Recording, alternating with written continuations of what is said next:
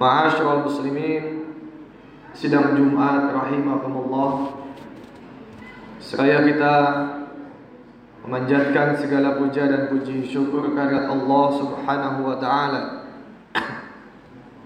Salawat dan salam semoga Allah tetap limpah curahkan kepada nabi kita Nabi Muhammad sallallahu alaihi wasallam. Pada keluarganya, sahabatnya, tabi'in, tabi'in, tabi'in dan mudah-mudahan kepada kita selaku umatnya yang senantiasa istiqomah menjalankan ajarannya. Ma'asyiral muslimin sedang Jumat rahimakumullah dalam momentum yang istimewa ini khatib mengingatkan wabil khusus kepada pribadi khatib dan umumnya kepada jamaah sekalian. Marilah kita sama-sama meningkatkan kualitas iman dan takwa Bila kita sama-sama meningkatkan kualitas ilmu Dengan ilmu inilah yang akan menjadi sandaran dalam berucap, bertindak dan beramal Dalam mengarungi kehidupan ini. Ma'asyiral muslimin sidang Jumat rahimahumullah Para ulama sepakat mendefinisikan bahwa Al-Quran itu adalah kalamullah lafzan wa maknan. Kalam Allah baik lafaz dan maknanya itu adalah datang dari Allah. Kenapa Al-Quran disebut dengan mu'jizat sebab kalamullah ini itulah kalam yang paling kuat. Mu'jiz itu artinya melemahkan yang lain. Maka setiap pandangan, setiap informasi setiap konsep selain Al-Quran itu bersifat lemah.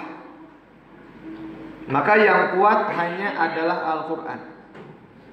Dengan demikian kalau isi kandungan Quran itu bukan hanya masalah ibadah mahdoh, tetapi di sana ada seperangkat aturan-aturan muamalah, bersosial, berekonomi, politik, budaya, maka dalam waktu yang sama konsep konsep yang Allah sampaikan dalam Quran menjadi kuat otomatis.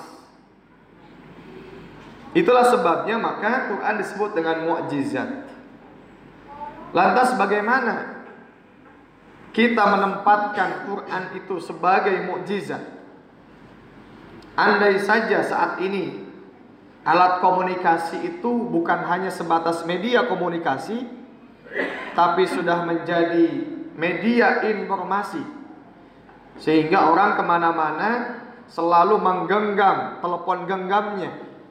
Setiap saat mereka melihat Facebooknya melihat WA-nya sebab itu saat ini alat komunikasi bukan hanya sebatas alat tetapi media informasi. Bahkan jika saja kita akan menuju ke sebuah tempat maka untuk mendapatkan gambaran tempat itu cukup kita bagaimana membuka aplikasi Google Map. Berapa jaraknya, berapa waktunya, kondisinya macet atau tidak dan itu semua akan dipandu sampai dengan tujuan yang kita inginkan.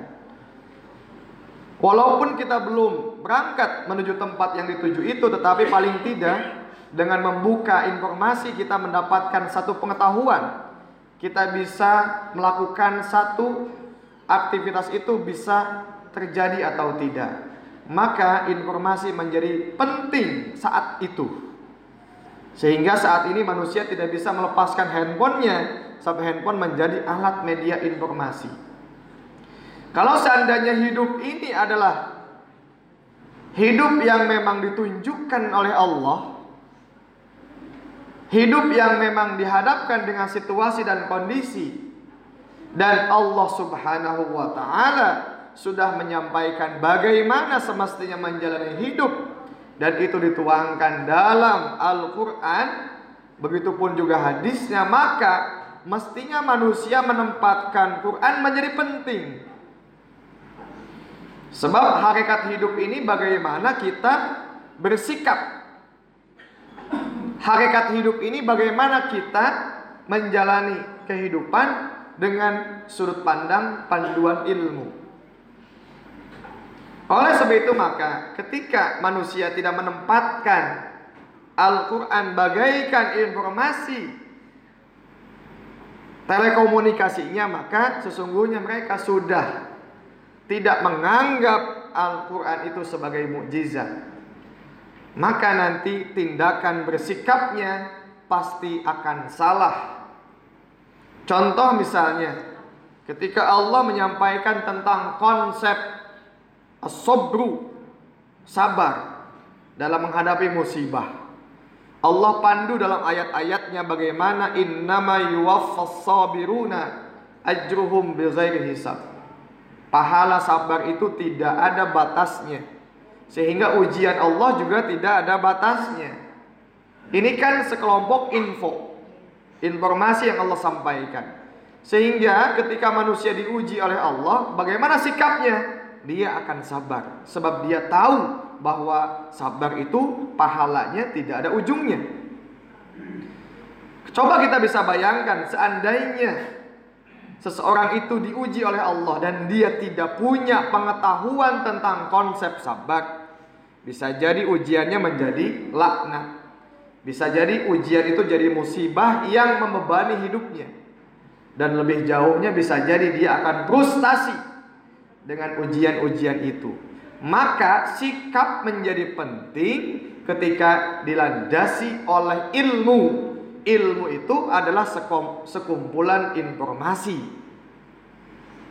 Ketika misalnya seseorang menjalani aktivitas rumah tangga, dia menjadi suami, tapi ketika dia menjadi suami tidak punya informasi bagaimana menjadi suami yang baik, maka setiap kali menjalani rumah tangga pasti akan konflik Hal-hal yang sepele menjadi masalah.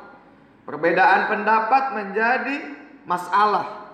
Bahkan ujungnya dia akan mengakhiri rumah tangganya dengan konflik keceraian.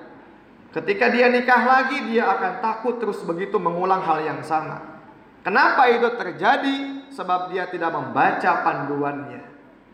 Oleh sebab itu maka Allah Subhanahu wa taala menurunkan Al-Qur'an kepada Nabi Muhammad untuk manusia menyingkap sekumpulan informasi tentang bagaimana semestinya kita bersikap yang sikap itu sesuai dengan apa yang Allah inginkan. Sesuatu akan menjadi masalah ketika dia tidak punya ilmu, tetapi sesuatu akan menjadi peluang amal jika menjadi ilmu. Sakit itu tidak masalah, kalau dia faham bahwa sakit itu bisa menghapus dosa-dosa kita. Tidak punya anak itu tidak masalah kalau seandainya dia faham bahwa anak itu adalah titipan Allah. Jika Allah belum menitipkan, masalahnya apa? Termasuk begitu juga waktu. Waktu yang dilewati setiap kali kita mengangkat nafas ini akan menjadi masalah atau akan menjadi ibadah. Sekian puluh tahun dia hidup dikasih kesempatan oleh Allah, tapi sepanjang itulah dia akan berbuat maksiat. Setiap detik waktu yang lewat kepadanya tidak menjadi amal soleh, disia-siakan dengan hanya sebatas ngelamun, disia-siakan dengan poya-poya, disia-siakan dengan menghabiskan uang ke mana-mana. Ketika dia tidak punya sikap bagaimana menyikapi waktu itu. Tapi ketika dia punya sikap, ketika waktu itu kata Allah wal asri innal insana lafi khusrin illal ladzina amanu wa amilus salihat wa tawassaw bil haqqi wa tawassaw bis sabr maka dia akan memanfaatkan waktu hidup ini bagaimana akan digunakan semaksimal mungkin untuk menjadi labang amal sebanyak-banyaknya.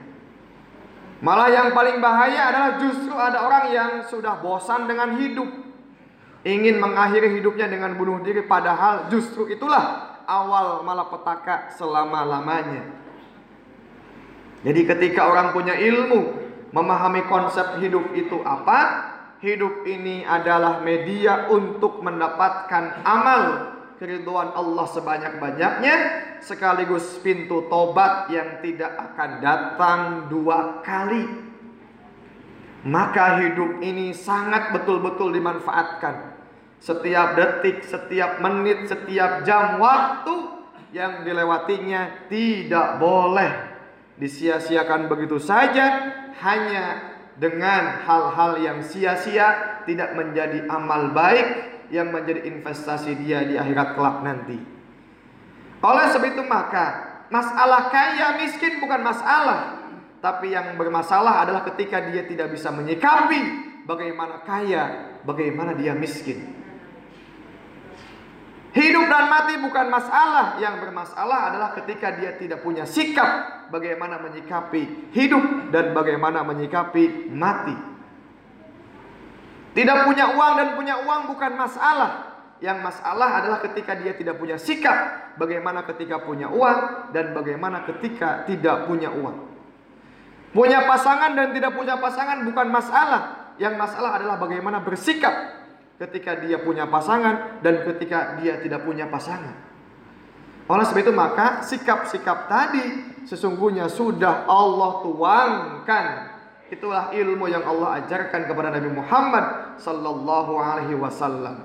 Alladzi 'allama bil qalam 'allamal insana ma lam ya'lam. Allah mengajarkan manusia segala hal yang manusia enggak tahu. Manusia tidak tahu. Apa yang tidak tahu? Hidup ini nggak tahu. Sejam kemudian apakah kita masih hidup atau tidak? Besok apakah kita dapat rezeki atau tidak? Semuanya goib. Maka dengan demikian hidup ini hakikatnya Allah sedang mengajarkan kepada kita. Jika seandainya kita dikasih nikmat, maka bagaimana nikmat itu kita gunakan semaksimal mungkin untuk mendekat kepada Allah. Usia tua, usia muda tidak jadi masalah. Penyakit tidak jadi masalah. Tentu dibalik semua musibah yang menimpa, kalau kita faham bahwa kita ini sedang dididik oleh Allah, semua akan kita jadikan sebagai media pembelajaran. Semua akan jadi ilmu bagi kita. Semua akan menjadi pengalaman bagi kita. Kalau seandainya kita berhusnuzon kepada Allah Subhanahu wa taala. Namun sebaliknya hidup akan menjadi beban, hidup akan menjadi bosan, bahkan juga tidak jelas mau ke mana tujuannya jika setiap sikap-sikap yang menghampiri itu tidak disikapi dengan ilmunya Allah Subhanahu wa taala. Oleh sebab itu maka mari sama-sama kita luangkan waktu, kita sempatkan untuk mengkaji ilmu-ilmu Allah mendatangi majelis-majelis ilmu, bertanya kepada ahlul ilmi supaya kita tidak salah dalam menyikapi hidup yang sedang kita hadapi saat ini. Barakallahu li wa lakum fil Qur'anil azim wa nafa'ani wa iyyakum bima fihi minal ayati wa dzikril hakim wa taqabbala minni wa minkum tilawatahu innahu was samiul alim.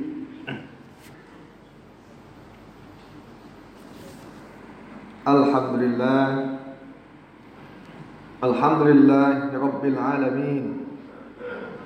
وبه نستعين على أمور الدنيا والدين. والصلاة والسلام على أشرف الأنبياء والمرسلين. سيدنا محمد وعلى آله وصحبه أجمعين. أشهد أن لا إله إلا الله وحده لا شريك له. وأشهد أن محمدا عبده ورسوله لا نبي ولا رسول بعده.